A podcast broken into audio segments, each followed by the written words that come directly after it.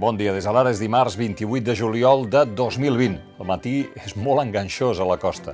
Quin serà el mapa de la calor avui, Miquel Bernis?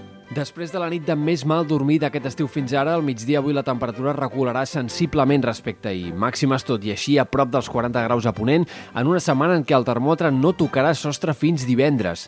Matí amb alguns núvols que s'aniran esqueixant. Tot dependrà del que fem els pròxims 10 dies. El president Torra va advertir amb aquesta frase que hi ha risc de tornar a la situació de la pandèmia del febrer i del març. Tenim 10 dies per saber si amb aquest exercici, aquest clam a la responsabilitat, a la solidaritat, aquest nou esforç col·lectiu, aquest deure cívic històric que tenim, evitem passar de febrer a març. És, és tan senzill com això.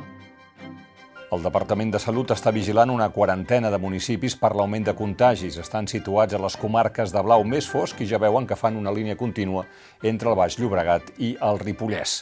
El president va dir en anglès que Catalunya és una destinació segura i amable i a l'oposició no li va agradar. Jessica Albiach. Sembla una presa de pèl a la ciutadania dir que el botellón és un acte d'insolidaritat i que, en canvi, els turistes puguin vindre sense problema. No pot haver un doble raser, un per la gent d'aquí i un altre pels turistes. El Regne Unit desaconsella viatjar a les Balears i a les Canàries i el turisme català perd els seus grans mercats perquè el 30% de viatgers que ens visiten són francesos i anglesos. I quan li van preguntar ahir al doctor Simón a Madrid què pensava del fet que eh, es posin traves a britànics o que eh, el govern belga hagi dit als seus connacionals que recomana no venir a Espanya, va contestar això. En cuanto a lo de Bélgica, pues yo realmente agradezco que los belgas decidan eh, no recomendar venir a España, es un problema que nos quitan, eh, menos riesgo de importación de casos.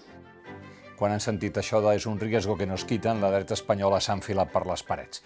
I el curs escolar. El conseller Bargalló continua dient que les escoles obriran al setembre.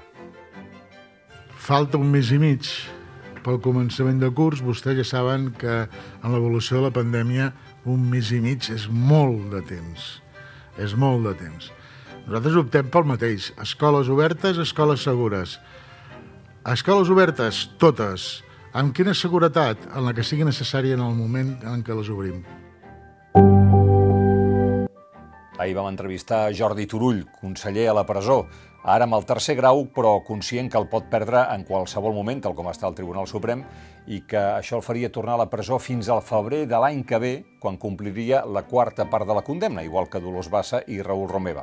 Va ser aquí, en aquest plató, i us recomanem l'entrevista pel que té de testimoni eh, personal. La teniu disponible sencera en vídeo i editada en eh, paper i a la web, on hem titulat la seva frase Junts per Catalunya és una formació que se situa al centre esquerra. Turull va aprofitar per llançar Junts per Catalunya.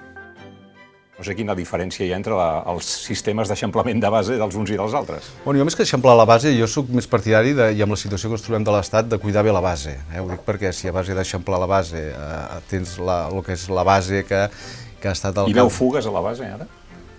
Fugues no, el que veig és desorientació i desànim en alguns, en alguns casos, i per tant jo crec que aquí hem de ser cadascú molt exigent amb ell mateix. El jutge ha citat a declarar Corina Larsen el 8 de setembre. Pedro Sánchez tanca files amb el rei i frena el debat sobre la república. Segons El Mundo, el govern espanyol vol que el rei Joan Carles marxi de la sarsuela perquè si no diu que no podrà aprovar els pressupostos, eh, sobretot amb les esquerres i amb els seus socis de govern Podem, i amics del rei emèrit, del rei Joan Carles, estarien disposats a posar de la seva butxaca dos milions d'euros per llogar-li una casa en una zona residencial de la Sarsuela. I, mentrestant, la central, aquí tenen aquesta informació de Sánchez tancant files amb el rei. I acabem informant que la central nuclear de Vandellós podrà funcionar 10 anys més i produir electricitat d'aquesta manera fins al 2030. Així ho ha decidit el govern espanyol en una mesura que ha agradat a la zona perquè manté llocs de treball i ha desagradat als ecologistes perquè diuen que Vandellós acumula molts incidents.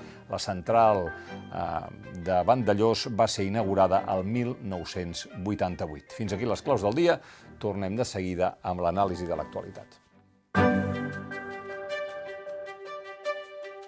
thank you